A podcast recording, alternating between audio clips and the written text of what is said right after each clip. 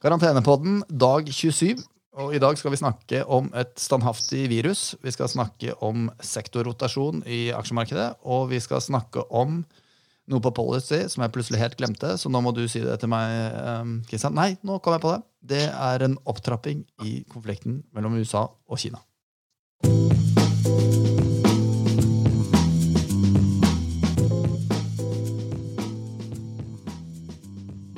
Er du med meg, Kristian? Det er jeg. Det vil ikke slippe, dette koronaviruset. Nei, det vil ikke det. Og den bedringstakten som vi har sett i Europa spesielt, den ser ut til å stoppe litt opp, spesielt utenfor Norden. Sverige har vi jo snakket om tidligere. Der ligger det på rundt 60-70 nye dødsfall per dag. Men også der er trenden heldigvis avtagende. I, i Norge eksempel, så ligger det jo langt langt lavere. Det ligger jo på under fire-fem per dag, etter det siste jeg har sett i hvert fall. Men bortsett fra det, hvis vi ser på f.eks. Italia, Spania, så går det i riktig retning. Men bedringstakten har avtatt, som vi også var litt inne på på, på forrige episode av, av, Danske Bankers. Men det som er mest bekymringsverdig, er jo det man ser i deler av USA. Hvor uh, smitteveksten øker i en del uh, områder. Og ikke minst i fremvoksende økonomier som uh, Brasil og India, hvor man i sistnevnte land har sett en ny rekord på antall nye tilfeller per dag. Og også sånn som Mexico, Sør-Afrika er også retningen fortsatt i, i feil, uh, feil, retning.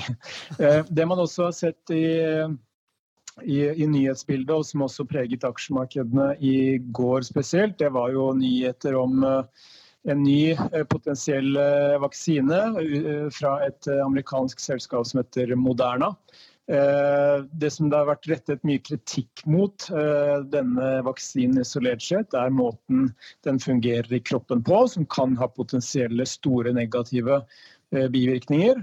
Pluss at forsøket er gjort med åtte mennesker. Og det er jo ikke, så vidt jeg kan huske fra statistikkurset, statistisk signifikant i det hele tatt. Så, så, det er eh, slik med disse vaksinenyhetene at de bringer aksjemarkedet opp eh, som en bjørn og ned som en eh, skinnfell etter hvert som det kommer mer informasjon rundt eh, potensialet. Eh, men eh, det jobbes med det, og det vil jo før eller siden bidra til gode nyheter. Men med all sannsynlighet så vil det ta noen måneder før dette er virkelig gode nyheter som kan ha faktisk nytte for, for, for befolkningen og for økonomien. Ja, Men det løftet som vi ser i antall smittede nå, er jo ikke nødvendigvis knytta til en lemping på tiltak. Vi ser på en måte nye områder komme fram. Ja, det er det. Eh, vi ser enkelte nye områder, men vi ser også økt testing, som vi også snakket om sist. Eh, F.eks. i USA så har vi jo sett at eh, antall tester har økt fra 340 350 000 forrige uke til over 400 000 per dag denne uken her. Og det er klart, da avslører man jo flere eh, tilfeller. Eh, og Donald Trump mener jo at, at, USA har det desidert høyeste antallet smittetilfeller i, i verden.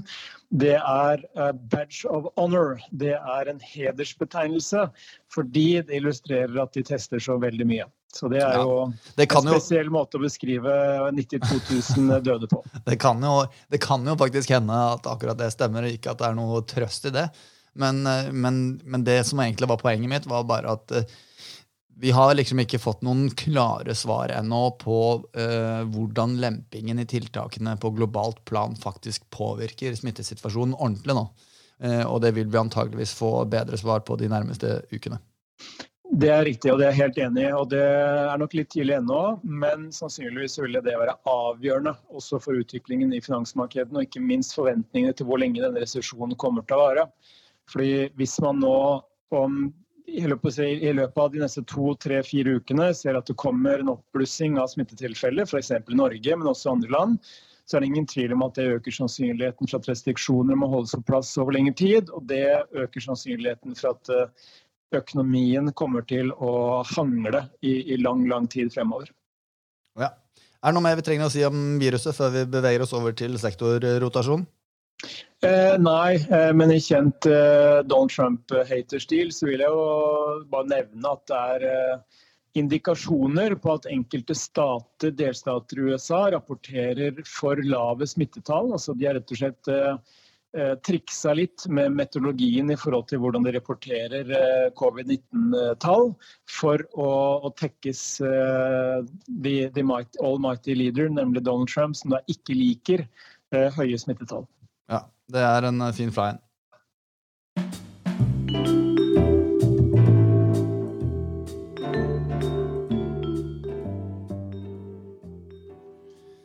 Sektorrotasjon i aksjemarkedet, Kristian. Hva er det som skjer? Eh, kort fortalt, det som har eh, vært den viktigste driveren for oppgang i eh, globale aksjer generelt, og amerikanske aksjer spesielt, gjennom denne koronakrisen, det har jo vært en ekstrem forkjærlighet for de digitale vinnerselskapene. F.eks. Facebook, Amazon, Microsoft, Netflix osv. Og, og de farmasiselskapene som jo kan kapitalisere på at mange er syke, og ikke minst potensielt utvikle medisiner og vaksiner. Eh, og De to sektorene der eh, de har eh, helt klart gjort det desidert best siden årsskiftet. De sektorene som har gjort det svakest siden årsskiftet, har vært de sektorene som har vært veldig avhengig av en økonomisk bedring. Og Det er f.eks. bankfinanssektoren, det er industrisektoren og det er energi, råvaresektoren. Og gjennom at de tre sektorene har vært såpass hardt straffet, da, F.eks. banksektoren i USA, banksektoren i Europa fortsatt ned over 40% siden årsskiftet. Eh, det er et tegn på at investorene ikke helt har tro på at økonomien virkelig skal blomstre på kort tid. Og Det har understreket det poenget som, som jeg har snakket om eh, på webinarer osv.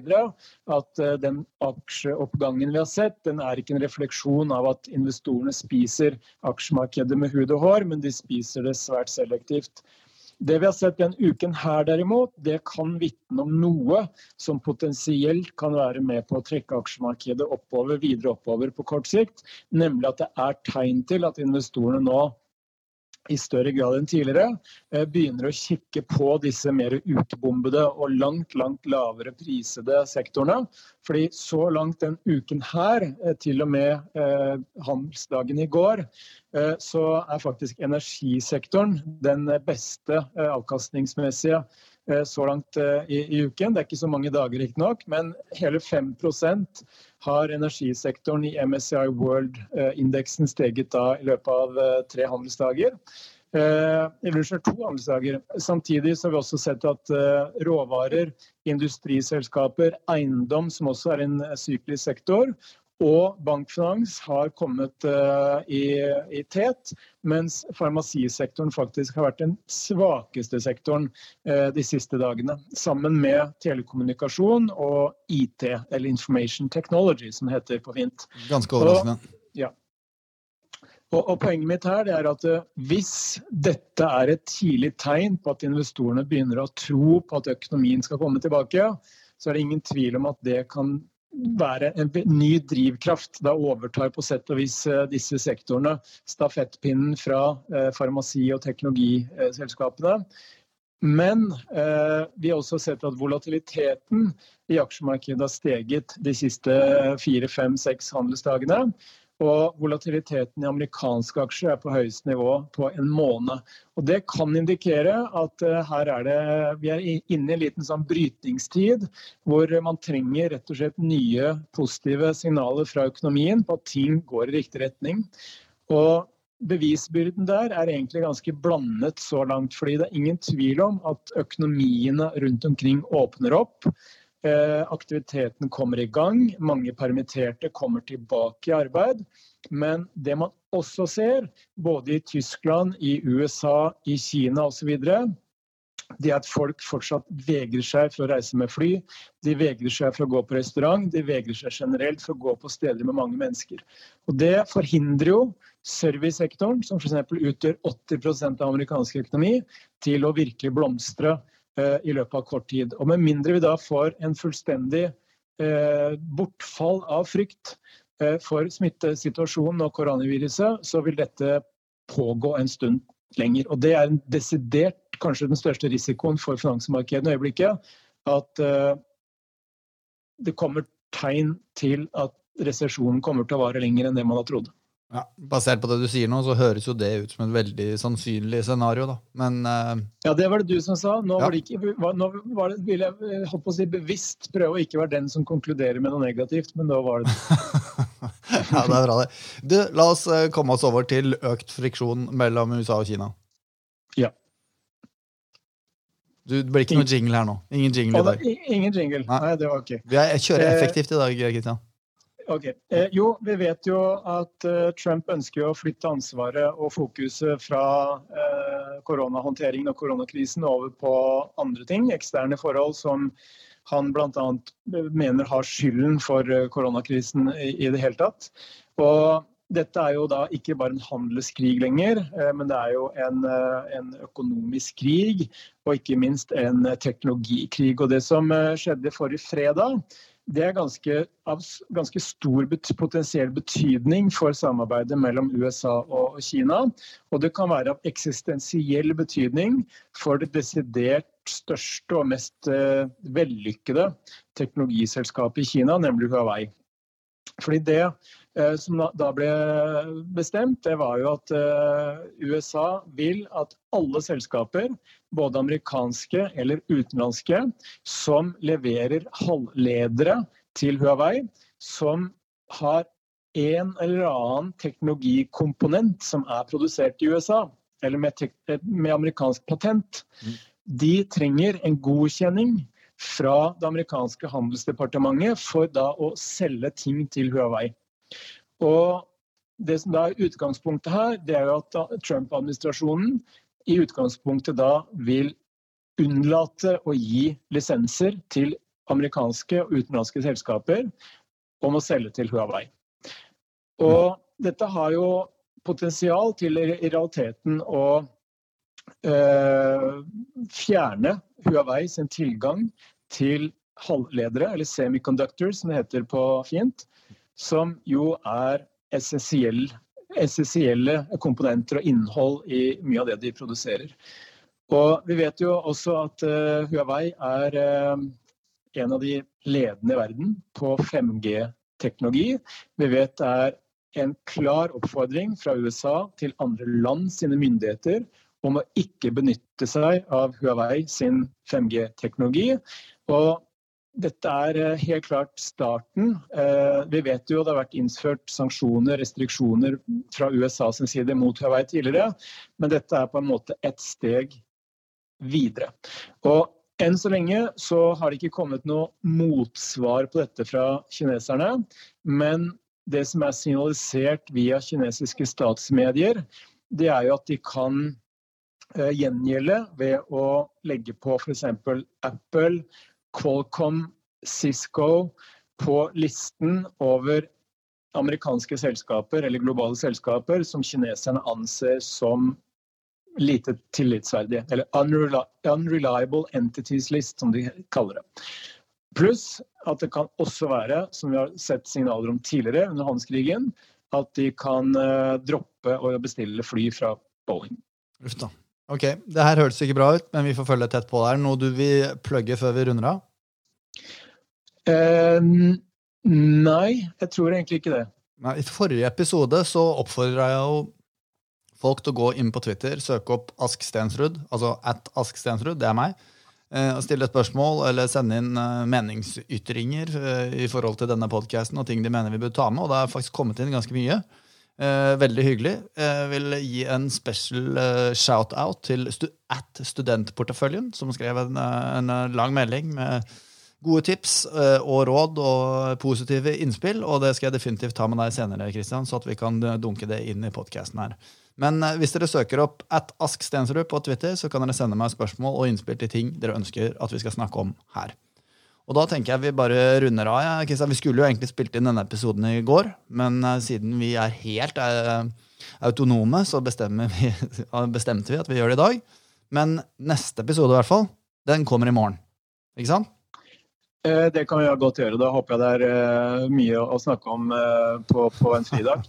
Men Men jeg vil bare avslutte med å si i forhold til handelskrigen at vår vurdering er at det er 50% sannsynlighet for at USA trekker seg fra denne fase 1-avtalen.